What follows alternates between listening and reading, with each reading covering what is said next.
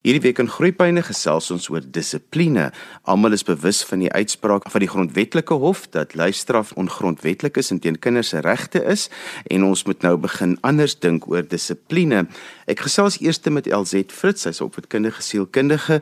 LZ, die realiteit van dit wat die grondwetlike hof gesê het, verduidelik vir ons luisteraars. Johan, ja, dis 'n baie kontroversiële saak. Dit is op hierdie stadium beslis ons mag nie fisiese lyfstraf teenoor ons kinders gebruik nie. En ek weet daar's baie argumente wat ouers en selfs geleerde mense in my professie in die sielkunde gebruik om te sê maar dit is aanvaarbaar. En ek dink wat mense moet in ag neem is wat is die rasionaal daar agter?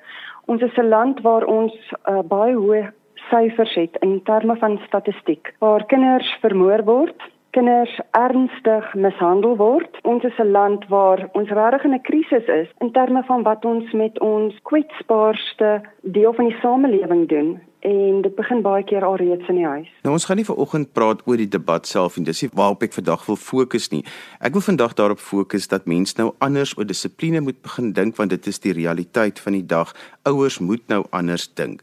So LZ, hoe moet ouers oor dissipline dink en dan ook as deel van dissipline is daar mos nou 'n uitvloeisel van straf en dat 'n mens grense wil stel. Jy het dan die twee konsepte gebruik, dissipline en straf en dan was jou laaste konsep was grens. Ek wil net gou die verskil onderstreep in terme van die twee konsepte, dissipline en straf. Dissipline fokus op die onderrig van aanvaarbare toekomstige gedrag. Met ander woorde, ek wil vir my kind leer om by punte kom van selfdissipline en dit gaan op die einde fokus op die hoër kognitiewe denke van 'n kind. Straf fokus op die pyn wat toegedien word vir gedrag wat in die verlede lê. Dit fokus baie meer op die limbiese brein met die fokus op vrees. En ja, ons wil vir ons kinders leer in terme van grense en deel van die woord grense is ook selfregulering. Want op die einde wil ek volwassenes hê wat aanspreeklik is vir hulle dade en ook hulle self kan reguleer. Met ander woorde, hulle verloor nie hulle koel in 'n konflik of in 'n moeilike situasie nie. En dis op die einde waarop ons in die huis wil fokus, nie noodwendig net op die straf vir wat het ek verkeerd gedoen en hoe gaan ek op ander die straf vermy nie, maar hoe kan ek regtig baie mooi gaan dink oor die dade wat ek doen en die gevolge wat dit gaan hê nie net op my nie, maar op ander ook op die lang termyn. LZ, is daar 'n plek binne kinders grootmaak om kinders deur middel van pyn byvoorbeeld um, te herinner aan iets wat hulle in die verlede gedoen het wat nie korrek was nie? Is daar 'n opvoedkundige waarde daarin? Ons ons navorsing is daar geen opvoedkundige waarde daarin nie. En dis navorsing wat nou al reg oor die wêreld gedoen is. Daar is geen navorsing wat bewys dat die toediening van pyn op die ou einde tot hoër morele ontwikkeling gaan aanleiding gee nie. Daar is wel baie navorsing wat daarop dui dat verhoging van vrees wat met lyfstraf gepaard gaan of enige fisiese vorm van geweld teenoor 'n kind lei tot groter geestesgesondheidsprobleme, 'n afname in breinontwikkeling, swakker emosionele disregulering, eksternaliserende gedrag, met ander woorde kinders wat meer acting out gedrag het, 'n selfvervullende profesie van ehm um, ek is nie die moeite werd nie of ek is altyd stout. Ek hoor baie keer kinders wat vir my sê ek is stout, dan moet ek hulle herinner nee, jy is wat jou naam is. Jy kry baie meer van jou kinders wat as boelies begin optree of as slagoffers afname in akademiese prestasie en die emosies wat daarmee gepaard gaan is vrees, woede, selfwalging en dan shame. Met ander woorde, daar's fout met my. Nie ek het iets verkeerd gedoen nie, daar's fout met my. LZ, kom ons maak dit prakties. My kind het nou iets uit die kas uit gehaal wat ek nou al herhaaldelike kere gesê het moenie uit die kas uithaal nie. Hulle het hom stikkend laat val op die vloer en daar's 'n gemors en gewoonlik sou 'n ouer nou vir so 'n kind 'n raps gegee het en te sê maar jy wou nie hoor nie en jy het nie besef toe jy dit doen dat die die gevolge van jou dade nie en die ouer is daarbey ook nog woedend want ek het dan nou gesê jy mag dit nie doen nie. Ons moet gaan kyk wat is die ontwikkelingsfase waarin hy kind is is so jou kind tot en met ongeveer 'n ouderdom van 3 en, en dit verskil van kind tot kind afhangende van hulle kommunikasievaardighede. Maar daai kind sukkel nog om te verstaan wat is oorsaak en gevolg. So hulle is baie ingestel op onmiddellike behoeftebevrediging en kyk wat is jou optrede. En vir sommige kinders is 'n negatiewe groot reaksie beter as geen reaksie.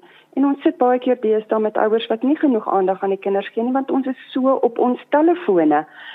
So vir 'n kleintjie tot op ongeveer daai ouderdom om vir daai kind pak te gee terwyl hulle eintlik besig is om hulle wêreld te eksploreer en jy dalk eerder die aandag moes gefokus het op iets anders, weggeneem het uit daai situasie. Uit jouself afgevra het hoekom wil daai kind so graag by daai item uitkom? Wat is dit daar agter? En so moet jy vir elke ontwikkelingsfase vir jouself gaan afvra, maar wat is dit dat die kind my opponeer? Daar's gewoonlik 'n rede daar agter. Dis nie sommer net omdat 'n kind wil stout wees en teen jou gaan nie. So ons moet op die einde 3 na 5 tree voor ons kinders wees in terme van probleemoplossende denke en maar wat is wat wat lê agter hierdie gedrag? Uh ek dink dan kon ons alreeds baie krisissituasies vermy en ja, jy's reg. Die ouers verloor hulle koel cool, en ongelukkig in daai tyd word 'n raps gewoonlik nie net 'n raps nie. Dit word baie meer en dis die gevaar wat uh, met daai raps gepaard gaan. Elsit gee my so 'n klompie wenke oor hoe om toekomstige gedrag te verbeter en hoe om selfregulering by kinders te ontwikkel. So weer eens, onthou die ontwikkelingsfase van die kind. So gewoonlik ons wys, ons demonstreer, ons verduidelik. Ons stel wel grense, ouderdomstoepaslike grense. Met die wete deel van grootwordprosesse, kinders gaan daai grense toets. En ons moet dit ook antisipeer weer eens met 'n agneming van die ontwikkelingsfase want op einde wil ek juis ook 'n kind hê wat nuuskierig is, ehm um, wat wel in 'n mate die grense gaan toets dat hulle kan agterkom maar wat gaan die gevolge wees? Ehm um, ek is 'n baie groot voorstander vir logiese gevolge. So as ek byvoorbeeld jou instruksie gegee het en jy het nie geluister nie, dan gaan die, die implikasie dalk wees jy gaan dalk vir 'n dag 'n week afhangende van die ouderdom nie met daai speelgoed kan speel nie. Soms moet ons meer tyd neem om presies te luister maar wat wil my kind eintlik vir my kommunikeer? En hoe jonger 'n kind en hoe swakker die taalvaardighede, hoe meer gaan hulle kommunikeer met gedrag. Dit begin ook weer in adolessensie dat hulle baie keer kommunikeer met gedrag. Nog 'n uitdaging. Baie meer aandag. Ons is geneig om baie minder aandag aan ons kinders te gee want as gevolg van ons werksdruk. So baie keer weer eens negatiewe aandag is beter as niks vang jou kinders uit wanneer hulle besig is om iets goeds te doen, nie net wanneer hulle iets negatief doen nie en plaas baie meer fokus op die positiewe gedrag. Weet ook wanneer om nie te reageer nie want alle klein goedjies regverdig nie 'n groot reaksie nie. En so gesels Alzet Fritz en sy is opvoedkundige sielkundige. Volgende gesels ek met Fanny Engelbregt en hy is die jeugpedagog by Goodwood Park. Fanny, hierdie hele tyd bakel rondom lyfstraf, hoe hanteer jy dit met die kinders en die jong mense? Maar ek moet nou baie versigtig wees want ek vermoed my kinders luister ook na die radio. As mens praat oor dissiplinering van kinders, dan dink ek dit verskil tussen die verskillende ouderdomsgroepe hoe jy hulle gaan dissiplineer. So ek het drie tieners in my huis en en ek dink dit is vir die meeste ouers is dit die moeilikste fase hoe dissiplineer jy tieners. So Fanny, hoe hanteer jy dit dan met hierdie tieners van jou? Wat die maklikste met tieners is is voorsorg is beter as nasorg. Uh, ek dink tieners vra vir grense, vra vir lyne. So wat ons in ons huis doen is ons sê altyd daar is ons reëls en alle reëls kan bespreek word, kan verander word. Ons sal voorbeeld kyk na inkomtyd. Wanneer moet 'n kind by die huis wees? As die huisreël sê 10 uur is, in plaas om te straf wanneer hulle dan nie eens 11 uur by die huis kom, gee ons vir ons kinders die geleentheid om die reël met ons te bespreek en te sê die funksie maak eintlik eers 11:30 klaar, mag hulle 11:30 by die huis wees. En dan is daar onderhandeling wat kan plaasvind en hulle voel dat hulle het ook 'n sê in hoe dit uitspeel. En dan is dit nie net 'n vaste reël nie, maar dit is iets wat regtig bespreek kan word en as daar dan 'n rede vir my reël is, dan moet hulle op die ou en daarbey invul. En dan is daar natuurlik nog ander meganismes wat mense in plek kan sit as hulle die reël nie nakom nie, watter gevolge gaan af vir hulle wees. Vertel ek gou hoe jy daardie doen wanneer die kinders nie die reël nakom nie, wat die gevolge is en hoe mense dit hanteer, want vir baie ouers is dit dan 'n pak slaag, maar hulle mag dit nou nie meer doen nie. Ek is nogal so daarso 'n uh, 'n aanhanger van Dr. Phil die Amerikaanse sielkundige.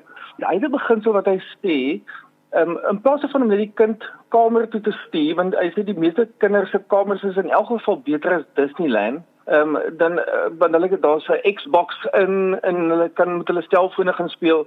So as jy hulle dan kamer toe stuur, dan moet jy maak dat die kamer nie vir hulle 'n entertainment center is nie. Die kamer moet altyd vir hulle 'n veilige plek wees, 'n safe space wees. Wat dit dan betref, so privaatheid in ons huis is is byvoorbeeld 'n voorreg. So indien hulle reëls oortree, dan verloor hulle van hulle privaatheid. So ek terg nou altyd daaroor. Ehm um, maar ek sê ek haal 'n deur wat geklap word in my huis baie maklik af. So as jy deur jou plaat haal, kom vir jou af.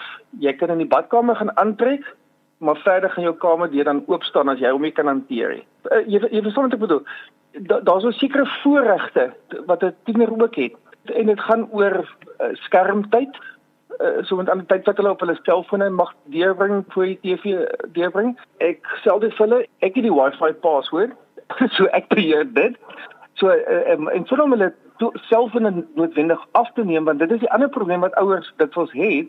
Hulle wil hulle selfone afneem, maar dan kan jy ook nie met jou kind kommunikeer wanneer jy met jou kind wil kommunikeer nie. Maar jy kan wel byvoorbeeld data beheer. In ons huis sal die wegneem van data sal byvoorbeeld 'n straf wees. Die wegneem van skermtyd sal 'n sal 'n strafmeganisme wees.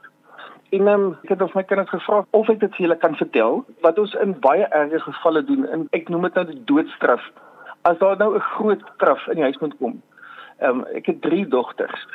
So ek sit hulle in een kamer vir 'n week lank.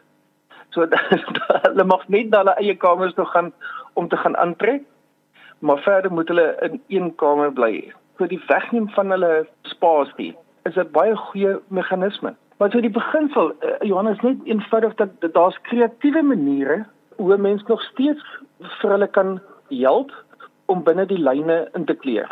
En as hulle oor die lyne gaan, nie noodwendig net om te straf nie, maar om soos die kerk altyd sê te tug en te gaan altyd gepaard met liefde. So dit is 'n liefdeshandeling om uh, gedrag reg te stel. So dit gaan nie vir my om lekker te kry of enige sweet nie. As jy mens na kleiner kindertjies uh, kyk, hoe help ons ouers daarso? Ons het toe to ons kinders klein was, het ons 'n millipit stelsel gehad. En dan het ons goeie gedrag beloon met 'n millipit. En elke millipit was aan daai tyd was dit nou 'n rand werd. Jy kan nou met die met die huidige rand dollar wisselkoers kan jy dit nou maar 'n ander waarde gee. Maar die rand en millipit het gewerk vir ons. So as hulle hulle taakies verrig het, hulle bed opgemaak het, um, hulle Eh, hulle hulle die gemors van die hond buite opgetel soos wat hulle moes, dan kry hulle hulle mieliepitte. En as hulle oortree, het ons van hulle mieliepitte weggeneem. So hulle kon dit sien, dit het in botteltjies gestaan op die in die kombuis en hulle kon dit duidelik sien.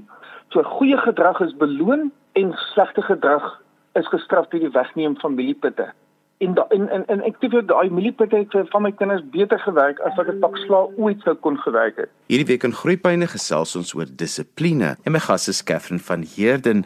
Watter wenke het jy vir ouers om situasies te hanteer waarbinne daar groei vir kinders moet plaasvind om toekomstige gedrag te verander, maar ook om selfregulering by hulle te ontwikkel sonder dat 'n mens nodig het om hulle te slaan? Ek dink dit begin by die ouers self. So as ek daai ouerleiding doen, dan vra ek altyd vir die ouers, hoekom voel dit julle nodig om julle kinders te slaan? So wat is dit in julle wat nodig is dat julle kinders want dit begin maar by die ouers, nê? Nee? So is jou frustrasie vlakke te hoog? Is dit hoe jy groot geword het en jy glo dit is reg? Baie mense sê vir my, ja, maar ek het baie goed uitgedraai. Want kyk, ek het geslaan, my pa het my in die skuur met 'n jy weet met 'n rottang ding geslaan en ek is okay. Maar eintlik as jy mooi kyk dan hoe jy gevoel op daai oomblik toe dit gebeur het? Jy het glad nie gevoel dat jou ouers veilig is nie. Jy het glad nie gevoel dat jou ouers, jy weet, regtig lief is vir jou nie. Ehm um, en al het hulle vir jou gesê dit maak my meer seer as wat dit jou seer maak. Ehm um, het jy dit definitief nie geglo nie. Nou as 'n ouer dink jy hy's soos 'n groot mens, maar as jy 'n kind is Um en en obviously uh jy weet alsite dit nou alles mooi verduidelik. So die eerste ding wat ek net sê, if you know better do better. Okay? Moenie teruggaan en dink wel my ouers het dit gedoen nie. Um ja, alsite het nou al die navorsing baie mooi verduidelik. So um ek dink jy moet mens baie mooi gaan kyk na die ontwikkelingsfases, Johan. So daar's verskillende ontwikkelingsfases en mens moet toepaslik reageer vir daardie ontwikkelingsfases. Maar weer eens wil ek sê dat as jy baie vroeg begin en met jou babatjie al begin met attachment geborgenheid, gaan die reaksie baie beter wees. So die belangrike ding is Johan dat jy jou kind leer dat daar 'n gevolg is vir enige gedrag. Dit is basies waar op dissipline neerkom. Dissipline is nie straf nie, dissipline is is nie straf nie. So mense moet daai um 'n skeiding in hulle kop maak dat dissipline is nie straf nie. Kinders moet geleer word dat daar gevolg is vir hulle gedrag. So met ander woorde, as jy 'n toddler het, okay, 'n Peter, kan jy hulle nie dieselfde dissiplineer as 'n tiener nie. So met Peter sal ek sê onder 3 3 en 'n half, die gevolg is dat die dingetjie weggevat word. So sê nou maar die seentjie te swaar en die seentjie slaan die ander seentjie met die swaard um, gee hom 'n waarskuwing en jy sê, "Oké, okay, ons slaan nie met die swaard nie want kyk jou maatjie huil." So dan dan leer jy ook soms empatie daarmee saam, né? So kyk jou maatjie huil. Um so dit is baie belangrik dat jy ook as ouer baie rustig bly en geborgenheid nog steeds hou, want as kinders veilig voel, reageer hulle baie beter. As kinders onveilig voel, dan begin hulle omstandig raak, hulle begin ongereguleerd optree. So dit is baie belangrik dat jy nog steeds geborgenheid en attachment eers sit. Dit is baie moeilik as ouers, ek weet dit. Ek is self 'n ouer. Jy jy wil baie keer jy top blaas, veral met die Petertjies wat sê myne en dis dis nou wat ek wil hê en dis wat ek wil doen en nee, jy weet hulle is baie baie goed om hulle grense te begin toets, maar jy moet diep asemhaal as 'n ouer en maar net geborgenheid hou want die terugvoer wat jy gaan kry van jou kind is baie baie beter en jy gaan 'n baie beter gereguleerde kind kry. So wys vir hulle wat is die gevolg van hulle aksie. Voor 3 en 'n half kan jy nog nie regtig dissiplineer in terme van jy weet 'n chart met sterretjies of ehm um, jy weet enigiets soos soos 'n soos 'n dinkstoeltjie of so en jy verstaan dit nog nie regtig nie. So ehm um, voor dan moet jy maar net wys hulle wat die gevolg. Mamma se hartjie is seer, pappa se hartjie is seer, het hom geslaan of jou jou sussie se hartjie is seer want jy het gebyt want op daai ouderdom byt en slaan hulle as hulle gefrustreerd raak en dit is heeltemal oukei okay, en is normaal. Ons moet hulle net leer om dit nie te doen nie. Ehm um, so dit is dit is 'n baie moeilike ouderdom en baie ouers begin daar lyfstraf toepas want hulle voel gefrustreerd en hulle voel dat my Peter nie luister nie en my Peter byt en my Peter slaan en ehm um, jy weet daar's die grense word oortree. So dit is baie belangrik dat jy net geborgenheid toepas daar en wys die konsekwens. En hulle sal dit kry. Hulle sal dit regtig. Hierdie Petertjies is baie baie slimmer as wat ons vir hulle krediet gee. Kom ons beweeg gou na die tieners toe. Sê maar nou my tiener is baie lief om kos te maak en nie um, of iets te bak of te uh, weet in die in die kombuis te doen en elke keer is die kombuis chaos as hulle klaar is en dit die boodskap wil net nie by hulle insink dat hulle die kombuis na die tyd ook moet skoonmaak nie. Hoe kry 'n mens dit reg? Want baie keer wil jy hulle net eenvoudig straf vir die res van die jaar. Ja. Ehm um, so Johan, dit is ehm um, weer eens moet jy daarvoor vra, is jy te rigied as 'n ouer? Is jy bietjie te netjies? Ehm um, so dit is die een vraagie wat ek maar altyd vir die ouers vra.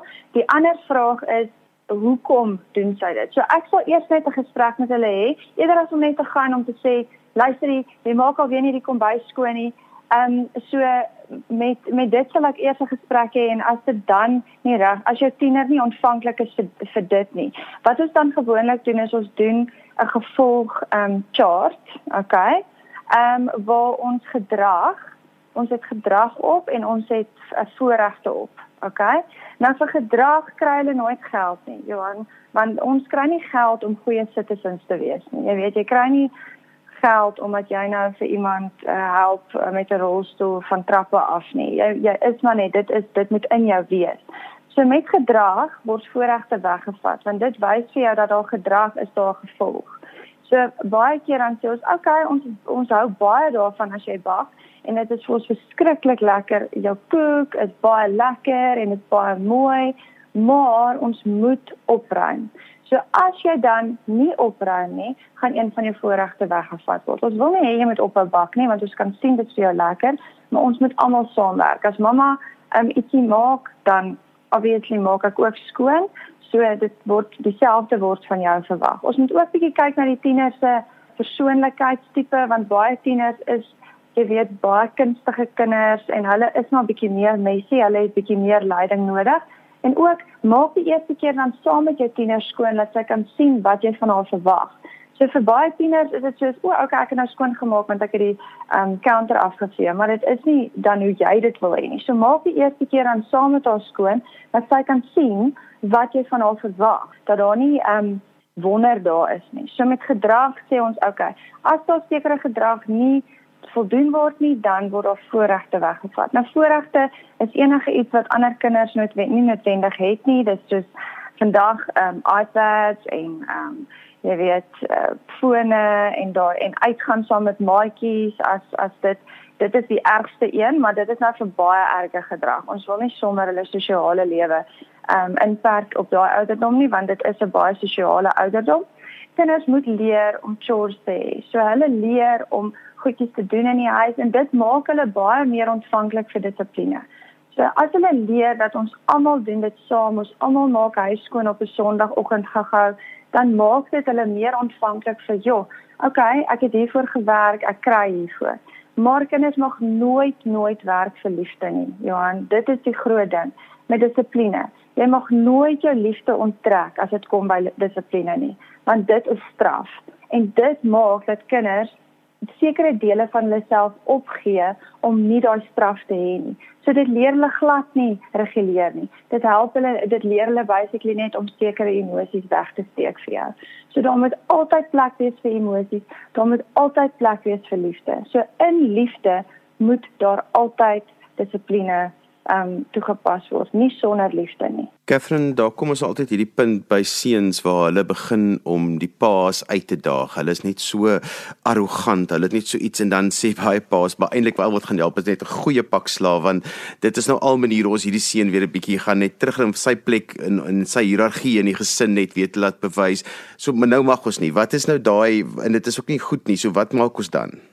Ja, Johan, dit is 'n moeilike een want um, op die tienerfase is hulle baie uitdagend, maar weer eens wil ek sê dat as jou verhouding met jou seun van kleins af goed is en as jy gesprekke met hulle kan voer, is dit baie makliker op die tienerfase, maar dit gaan gebeur. Hulle gaan hulle gaan gaan gaan jou uitdaag.